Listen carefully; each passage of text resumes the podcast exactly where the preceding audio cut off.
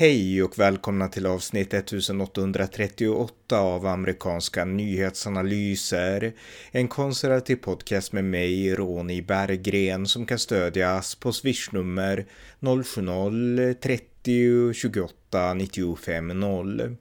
Här följer en uppdatering om det senaste i USA tillsammans med min svensk-amerikanske kollega Björn Nordström från Arizona. Varmt välkomna! Björn Nordström, välkommen.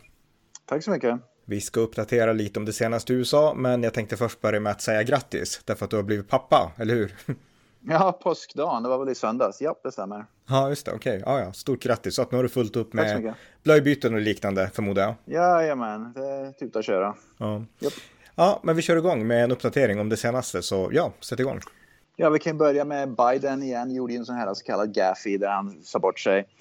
Uh, varje år så har ju då Vita huset en, en Easter egg hunt. Det kallas Easter egg hunt. Det är liksom barn som kommer till Vita huset från Washington DC och sen så gömmer man, man då massa påskägg som barn ska springa och leta. Så är det godis och biobiljetter och lite olika grejer om påskäggen. En sån här plastpåskägg. Men så innehåller de någonting.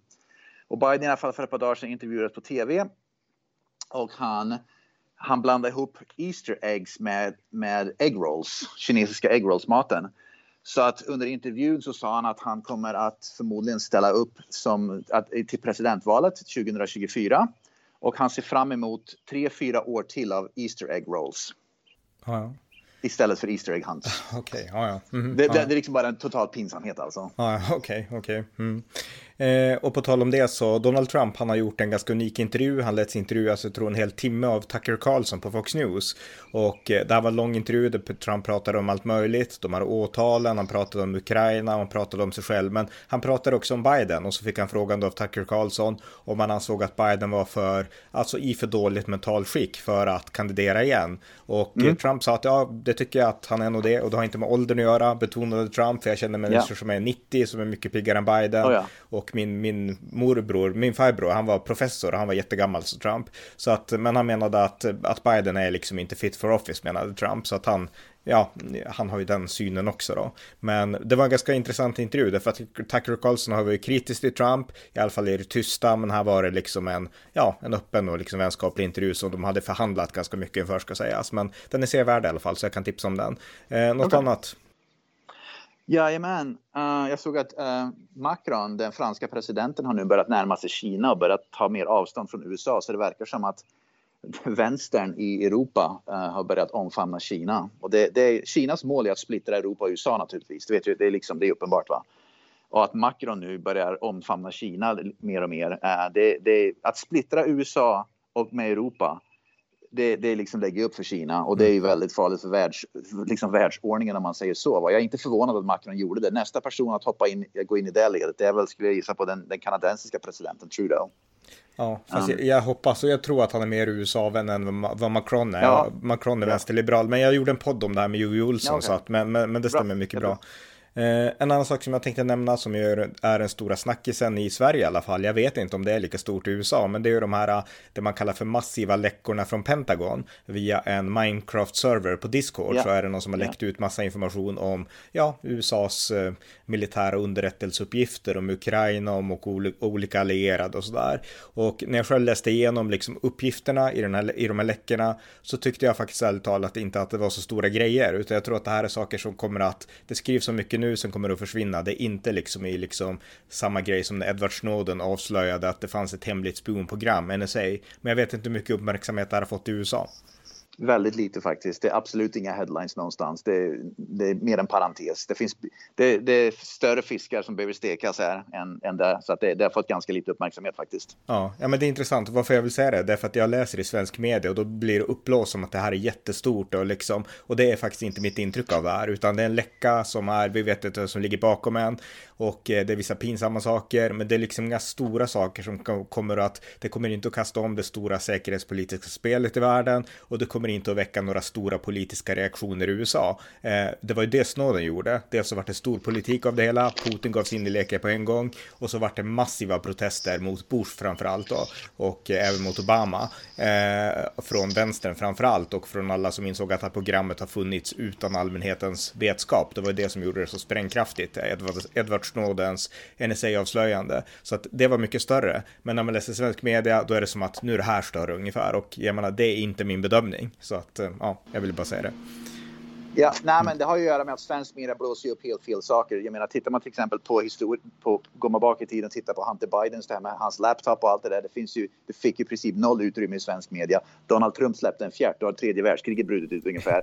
Hillary Clintons problem med de här servrarna och allt vad det nu var, det fick ju noll uppmärksamhet. Va? Svensk media är totalt sist och fel på bollen konstant. De, de skjuter självmord hela tiden. Stora grejer, bryr man sig inte om, såvida det inte är liksom fel parti, citattecken då, republikan eller republikansk president. Så att svensk media gör allting helt bra fel konstant i USA.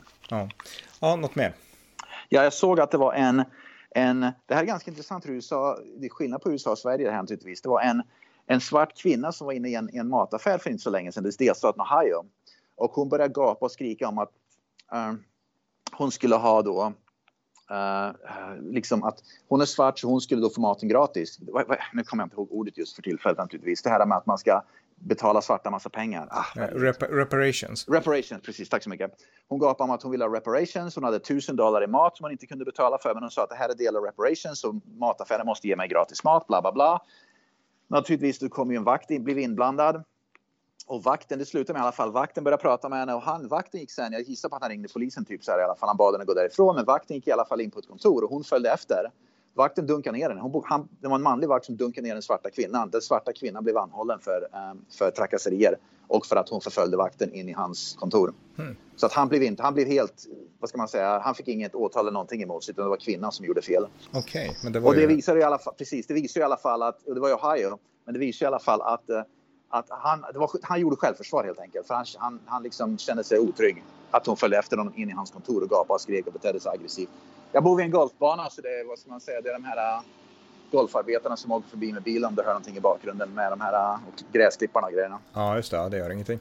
Ja, en annan ja. sak som jag kan nämna också som jag såg alldeles nyss på NBC. Det var jätteintressant. Vi har ju pratat mycket om hemlösheten i San Francisco i alla storstäder. Men du har berättat om hur det ser ut i Austin i ja. Texas, eller i, ja. jag menar, i Phoenix i Phoenix, Arizona. Och eh, nu såg jag ett inslag om Austin, Texas. Det var därför jag blandade ihop det. Och där finns det också många hemlösa och där är det en kristen organisation som heter Mobile Loaves and Fishes. Och det är grundat av en man som heter heter Alan Graham. Han är kristen, han blev kristen och katolik i 20-årsåldern och han kände att jag vill göra något för de svagaste i samhället. Så han ja. har startat en stor, en stor park med flera tusen mobila hem. Alltså det är inte husvagnar utan det är små minihus där man kan bo ja. för hemlösa. Och då får de komma in dit i olika steg, alltså man har ju krav på dem att ni måste kunna sköta er, så, så kan man liksom avancera upp i ordningen liksom. Men man hjälper dem att få ett strukturerat liv och det verkar vara jätteframgångsrikt. Så att eh, ett eh, liksom, det visar verkligen på att det är de kristna som verkligen engagerar sig genuint i de här människorna. Och det har vi pratat om förut, vänsterliberalerna och vänstern som gapar och skriker om illegala invandrare, om hemlösa och allting. De struntar ju svarta, de struntar fullständigt. Allt handlar om politik och makt och hur man ska få kontroll genom att utnyttja de här svaga grupperna till politiska syften. Det är allt det vänstern håller på med, va? Mm. även i Sverige med samma här i USA. Och det är de kristna grupperna sen som blir demoniserade för att vara rasister och nazister, men det är slutligen de grupperna som inte använder statliga medel utan som gör insamlingar av privata medel för att hjälpa till. Och det är de som sen demoniseras. Det, det är så vidrigt vänstern håller på, men det vet vi, det är precis samma sak i Sverige. Va? Mm. Vänstern är frukt... Jag, kan, jag har inga ord hur vidrig vänstern är. Precis samma här i USA. Man påstår sig värna om grupperna, men i slutändan skiter man fullständigt så länge man kan vinna röster genom, genom att utnyttja de grupperna. Mm. Ja, något annat? Ja, på tal om de här då, hemlösa och så vidare. Vi pratar mycket om Portland i Oregon då, som är då en, en vänsterliberal delstat. Och nu har tydligen hemlösa slagit upp massa läger vid Portlands vad ska man säga, finaste utsikter. Så de rika personerna i Portland, Oregon som då bor där man har en fin utsikt över havet och så vidare. Va? Eh, då har, då har då, de, de hemlösa har nu slagit upp eh, läger nu som förstör utsikten för de rika. Och ingen i Portland verkar begripa om hur kan det här ha hänt oss i Portland ungefär. Vi som är så toleranta och, snälla och trevliga och så vidare. Va? Mm. Så att nu, nu har det börjat bli ett stort problem helt, helt plötsligt därför att de vita vänsterliberalerna som bor vid kusten i de här rika områdena de har nu fått det där på sin bakgård så de kan inte längre se havet utan det, havet, havsutsikten blockas av hemlösa tältläger. Mm. Ja, nej, men det blir väl deras sätt att vakna till verkligheten så att det stör inte mig alls att det är så. Det är de som behöver utsättas för sånt här. Precis, eh, precis. En annan sak jag läste, det här var ju lite mer upplyftande då, Arnold Schwarzenegger som jag tycker verkar jättesympatisk som person. Han, eh, han är ju rik också så han har ju råd att vara så här, bjuda på sig, men, men jag gillar yeah. honom i alla fall. Men han hade, han la ut en video när han som är nu, han är väl 75 eller någonting eller mer kanske, yeah. han gick ut på gatan och så började, det var ett stort hål i liksom asfalten på vägen och han började asfaltera och fixa och tyckte att nu måste vi som community styra upp det här. Så att, eh, ganska charmig video, jag tycker han är, ja, han är skön tycker jag. Ja, fasen, det var rätt coolt. Ja. Uh, på, ta på tal om, jag tänkte bara nämna San Francisco som också är en västliberal delstat. Vi pratar mycket om att brottsligheten där är skjuter i höjden och så vidare. Va? Whole Foods, det är en stor matkedja här i USA, Whole Foods. De har i alla fall, de öppnade en affär i San Francisco för ett år sedan. Den affären stängde nu därför att det är så mycket brottslighet så de kunde bara hålla, hålla öppet ett år. Sen mm. tvingades de stänga på grund av brottsligheten. Och det var precis det vi pratade om att Walmart, vilken delstat var det? Chicago smäll, stängde sin, ett par Walmarts i Chicago, eller vart det nu var. Vi pratade om det för ett par poddar sedan i alla fall. Och det var precis samma när brott, brottsligheten går upp. Och Walmart stänger ju aldrig, aldrig, aldrig några affärer. Mm. Annat än då nu brottsligheten. Så att man ser verkligen till och med vanliga butiker kan inte längre hålla öppet i, i vänsterliberala städer därför att brottsligheten är så hög. Mm. Och jag läste om att eh, alltså, brottsligheten just i San Francisco, den är därtill underrapporterad. Alltså yeah. många försöker politiker, de försöker liksom tona ner den, men det är inte så farligt. Men alla som granskar det här på djupet, de säger att det är liksom bara ytan som man skrapar på. Det yeah. mesta rapporteras inte ens in, utan det händer så mycket att vare sig polis eller åklagare bryr sig. Så att det är mycket mer brott än statistiken gör gällande.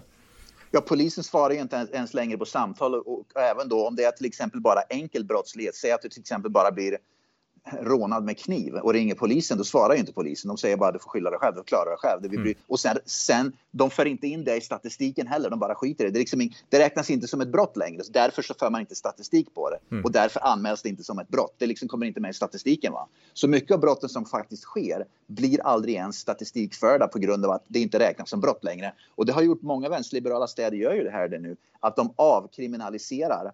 Vilken var det nu? Det var alldeles nyligen. Det var, var det New York tror jag man ska släppa ut, jag tror det var delstaten New York, där man ska, eller var det Kalifornien, Kalifornien och New York, en av de två vänsterliberala delstaterna. De ska, jag tror Kalifornien, förlåt, Kalifornien i Los Angeles County. De ska släppa ut nu alla personer som inte är grovt kriminella, som du har begått rån.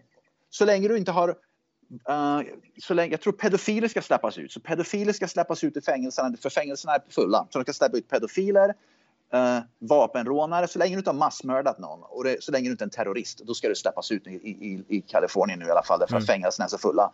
Då räknar man inte längre, och de räknar det som mindre brott. Så med andra ord, du kan vara en pedofil som har våldtagit ett barn och det räknas i Kalifornien som ett mindre brott och därför kan du släppas ut. Mm. Om du har rånat någon med ett vapen, det är ett mindre brott, därför kan du släppas ut. Mm. Jag, jag snabbgooglade nu, jag tror att det är Los Angeles County som, som så är det, ja. Mm. Ja, men det, det, det, det visar helt och hållet på att, att rättsstaten har ju totalt fallit ihop. Och det, det, krävs ju inte direkt geni att, att lista ut att när man släpper ut sådana där personer i fängelsen, brottsligheten kommer ju gå upp och det signalerar ju till alla att så länge du inte masskjuter, så länge du bara liksom skjuter ihjäl en person eller rånar någon med vapen en gång, då kommer du undan med det därför att det är inget brott längre. Mm. Så att det kommer ju, brottsligheten kommer naturligtvis att öka, det fattar ju alla. Mm. Ja, ja, verkligen. Ja, något mer? Riley Gaines, den personen då som vi pratade om i förra podden som då har tagit ton mot, uh, det var hon som drog igång, uh, vad ska man säga, kritiken mot Leah Thomas och hon har ju tagit ton nu för att hon som blev misshandlad och, och mm. liksom mm. attackerad på San, i San Francisco på ett universitet. Hon i alla fall påpekar hur många lesbiska kvinnor som har slutat med idrotten, att de hycklar över det hela. Hon, påpekar, hon pekade på två specifika, Megan Rapinoe och Sue Bird. Megan Rapinoe var en amerikansk kvinnlig fotbollsspelare. Hon, är, hon, är, uh, hon har pensionerat sig för fotbollen. Och Sue Bird var en amerikansk, uh, hon är från, jag tror från eh, Australien, men hon spelar i alla fall i amerikansk kvinnliga proffsbasketligan. Hon är också, båda de är lesbiska och de har inga flickor som barn. Och de två har länge gapat över just att det är viktigt för kvinn, kvinnlig idrott är viktig, kvinn, liksom kvinnors rättigheter i idrotten, kvinnor måste tjäna mer pengar och tjäna lika mycket pengar, lika lön som män och så vidare inom sporten. Va? Så de har värnat länge om kvinnor och sen för nyligen, för bara ett halvår sedan, typ ett år, så har de börjat gapa om hur viktigt det är att att transgenders, att biologiska män ska få tävla mot kvinnor. Med andra ord att helt plötsligt så står de upp för, för biologiska män och de uh, är emot kvinnor då för att biologiska män ska få tävla mot kvinnor. Men uh, Riley Gaines har nu påpekat att alla de som stödjer transgenders i sport är nummer ett, de, de, är själva inte aktiva längre så de själva behöver aldrig spela mot biologiska män längre. Nummer två, de har själva inga döttrar så de behöver aldrig ha några döttrar. De har inga döttrar, de är lesbiska, de kommer inte ha några döttrar. Så att de har de kommer aldrig behöva uppleva att deras egna döttrar behöver, kanske måste spela sport mot biologiska män och då är det väldigt lätt att, vara, att liksom hålla på och att gapa om transgenders i, i kvinnoidrotten och, och, att man måste värna om deras rättigheter. Och nämnde just det att om du, är en, om du är en kvinna som har en dotter, då genast förändras hela din situation. Då ser du saker och ting annorlunda. Eller om du är en kvinna som själv håller på med sport just nu, då ser du situationen helt annorlunda med. Så det är väldigt liksom bekvämt för de här Sue Bird och Megan Rapinoe och de andra som då är, som jag nämnde då, att, mm. att helt enkelt stödja transgenders, för det, det påverkar dem inte ett skvatt personligen. Nej.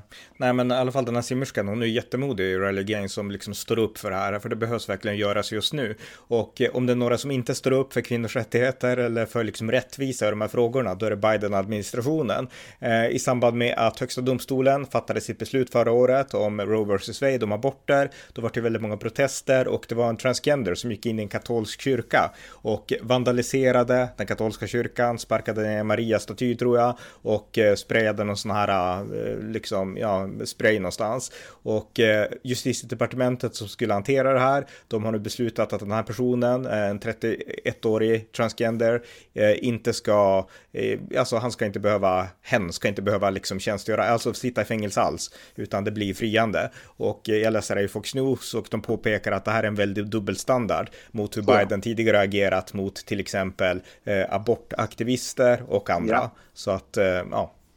Ja, om vi vänder på steken, om det här hade varit en person i en MAGA-hatt som stödjer Donald Trump som gick in i en moské och slog sönder, då hade han åkt in 30 år i fängelse för hatbrott. Mm, exakt, precis. Mm. Ja, ja, något mer? Ja, eh, musikstjärnan John Rich, han är väldigt känd i USA. Även han har dumpat Bud Light nu. Vi pratar ju om det med Bud Light, att deras nya spokesperson uh, Dylan Mulvaney är en transgender. Han har i alla fall spolat dem. Han äger tydligen en bar i, um, i, um, i Nashville. Han bor i Nashville tydligen. Han äger en bar där och han har slutat sälja Budweiser och Bud Light i sin bar. Anledningen till att han slutat sälja var för att det är ingen som köper det längre. Så det är många som börjar dumpa det märket helt enkelt. Jag såg också Kid Rock, en känd musiker här i USA. Jag skickade en video till dig tror jag det var. Mm. Han, han satte upp massa Bud Light-burkar och sköt, och sköt sönder dem med en, en, en, en, ett automatvapen och sa fuck Budweiser, fuck Anheuser-Busch. Mm. Vilket är företaget som tillverkar det i alla fall. Uh, jag, jag, själv gissar att vi kommer att se en totalt en stor, ett stort dropp i försäljningen av den ölen här i USA och Budweiser kommer att ändra sig snart. Det är bara en tidsfråga. Mm. Ja. ja, något mer? Ja, den tredje demokraten här i USA. Det är tydligen många demokrater på lokalnivå och delstatsnivå som hoppar av Demokratiska partiet. Det är den tredje nu på bara några dagar som hoppar av. Det är Louisiana tror jag den här gången. En demokrat som hoppar av i Louisiana som delstatspolitiker och hoppar över till Republikanerna istället. Uh, min gissning är att jag, såg, jag läste inte specifika anledningar, jag bara läste i all hast igenom det. Men de, de som hoppar av nu, det är för att de kan inte längre stödja eh, Demokraternas politik. För att Demokraterna, som vi har pratat om så många gånger, har gått alldeles för mycket åt vänster. De kan inte stödja det här med woke, med cancel culture, att de har blivit vänsteraktivister och så vidare. Det är liksom, är därför de hoppar av i grunden. Det, är liksom, det, det, det, har gått för mycket vänster. Så normala demokrater som då är, vad ska man säga, demokrater, you know, som liksom 90-talsdemokraterna ungefär, som demokraterna fortfarande var ett mittenparti lite grann. Mm. Uh, de övergår när de hoppar av därför att de kan inte, de, de kan inte längre identifiera sig som demokrater inom dagens demokratiska parti. Nej, nej. Ja, något mer? Uh, ja, går igenom mina grejer här. Uh, jag kan säga om du letar ja. att EU har, alltså det pratas så mycket om eh, gränsen mot Mexiko, att det är liksom en öppen gräns, men ingen vågar erkänna det, därför att då skulle man ställa sig på den så kallade felaktiga moraliska sidan, för man kan ju inte förespråka en mur. Men jag läser nu att EU, det finns mängder av EU-länder som gör allt vad de kan nu för att stärka, alltså bygga murar helt enkelt mot, eh, för att stoppa massinvandring. Dels så Grekland, de stärker sin mur mot Turkiet för att slippa den här massinvandringen där Turkiet använder flyktingar som ett politiskt vapen vapen. Eh, Finland bygger en mur mot, eh, mot Ryssland och ja. Ungern bygger en mur mot Serbien och liknande. Så att inom EU, för det är ändå EU som liksom har rätt att liksom ändå säga saker här. Bulgarien bygger också mur, eller ett stängsel mot Turkiet, men även EU bygger murar så att man är väldigt hycklande när man har med ena andetaget kritiserat Trump och USAs mur och så gör man i det tysta samma sak själv. Ja, visst. Och problemen bara fortsätter här med den illegala invandringen. Det, det, får, det, får ganska lite uppmärksamhet här i USA nu, för det är så mycket annat på gång. Men problemet är inte löst, det fortsätter ju nu naturligtvis. Och problemet är nu att det börjar bli ganska, väldigt varmt här i södra, sydvästra USA. Så vi, nu kommer vi börja se en massa dödsfall igen på grund av värmen. Mm. Jo, så några saker till här. Jag såg att uh, det var tydligen en, en, en, en, uh, en högsta domstols ruling för, inte, för några dagar sedan som handlar om abortpiller och uh, eh, AOC, Alexandria Ocasio-Cortez, ogillade högsta domstolens beslut i frågan. Som andra ord så var det väl ett beslut som vänstern var emot. I alla fall hon, AOC, öppet nu sa att uppmuntrade människor att, att, um, att vad ska man säga, strunta i domstolsbeslutet. Att helt enkelt strunta i, med andra ord, strunta i vad rättsstaten och domstolarna tycker nu utan gör, bryt mot det domstolsbeslutet. Mm. Till och med flera demokrater och även journalister började ifrågasätta henne och sa att att är det verkligen sunt att vi börjar uppmana människor att inte respektera Högsta domstolens beslut istället att, att, att vi ska gå emot de besluten? Så att till och med demokrater och vänsterliberala journalister såg jag börjar ifrågasätta sig att när, när Högsta domstolen gör ett beslut då måste vi respektera det. Och du på vänsterkanten uppmanar nu människor att helt enkelt inte respektera beslutet utan att gå emot det liksom att, att bryta mot det beslutet. Och det visar ju hur farlig hon är. Att hon har ingen respekt för, för det amerikanska rättssystemet och rättsstaten. Nej, och hon har ingen respekt för konstitutionen som har gett den makten Precis. till HD. För jag menar, hon är själv Precis. en del av konstitutionen. För hon är kongressledamot för att konstitutionen utstakar kongressen liksom. Så att, eh, ja. ja.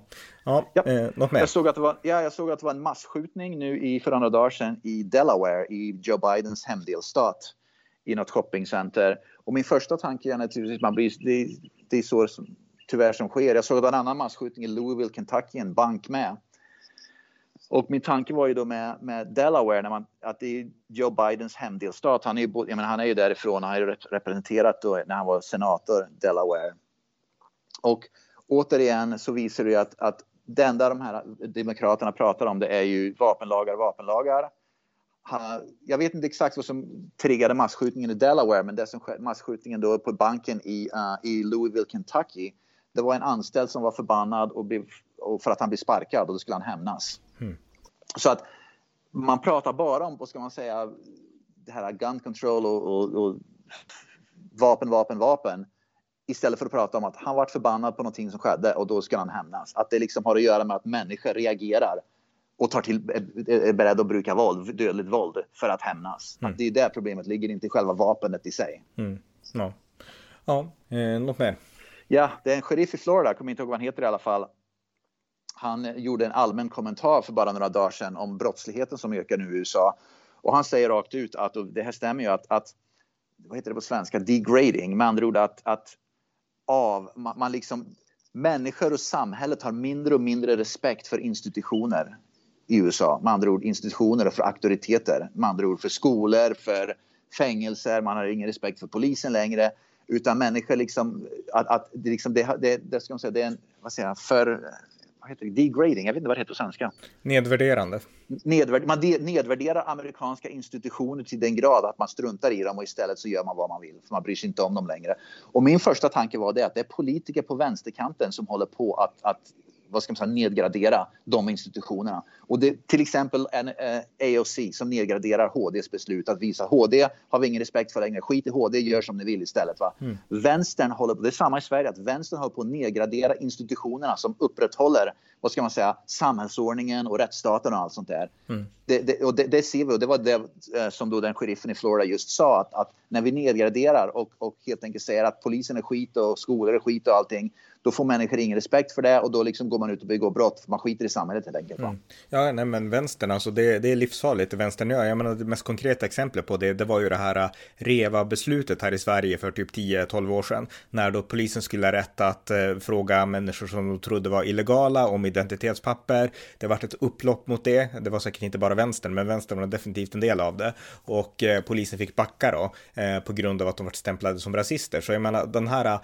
farliga ideologin som vänster driver, den underminerar i långa loppet samhällsordningen och då blir det ja. laglöshet. Så att jag menar, mm. ja. Precis, det var mm. precis det han pratade om. Ja, mm. och det stämmer. Mm. Eh, ett par saker till. Jag såg att eh, islam här i USA, den är inte alls lika prominent i USA som i Sverige naturligtvis, men jag såg att det var några muslimska flickor som går i skola på gymnasiet uppe i New Jersey och de vägrar nu delta i, i, i simlektioner. Man, man har ju då, vissa skolor har ju då simning, precis som man har, många har i Sverige. De vägrar delta i, i idrottslektionerna när det är simning därför att de, de får inte vistas i samma badhus som pojkar under idrottslektionerna. Och det visar återigen att det här med islam och integrationen av den i, i västvärlden, oavsett om det är Sverige eller om det är USA, det är hopplöst. Mm. Ja, verkligen, verkligen. Mm. Något mer? jag, såg, och, ja, jag såg att George Soros son, det visste jag inte, han har en son tydligen, men i alla fall hans son har haft klippkort till Vita huset under, under Barack Obamas tid i Vita huset och under Joe Bidens tid i Vita huset.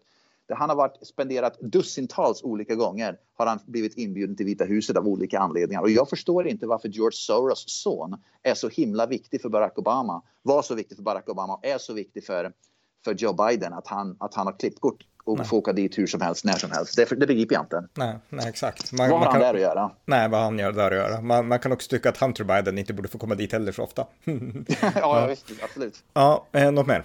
Nej, det var allt jag hade idag. Okej, okay, men perfekt. Tack så mycket. Tack så mycket. Tack för att ni har lyssnat på amerikanska nyhetsanalyser. En konservativ podcast som kan stödjas på swishnummer 070-30 28 95 0 eller via hemsidan på Paypal, Patreon eller bankkonto. Skänk också gärna en donation till valfri Ukraina-hjälp. Återigen, tack för att ni har lyssnat på amerikanska nyhetsanalyser.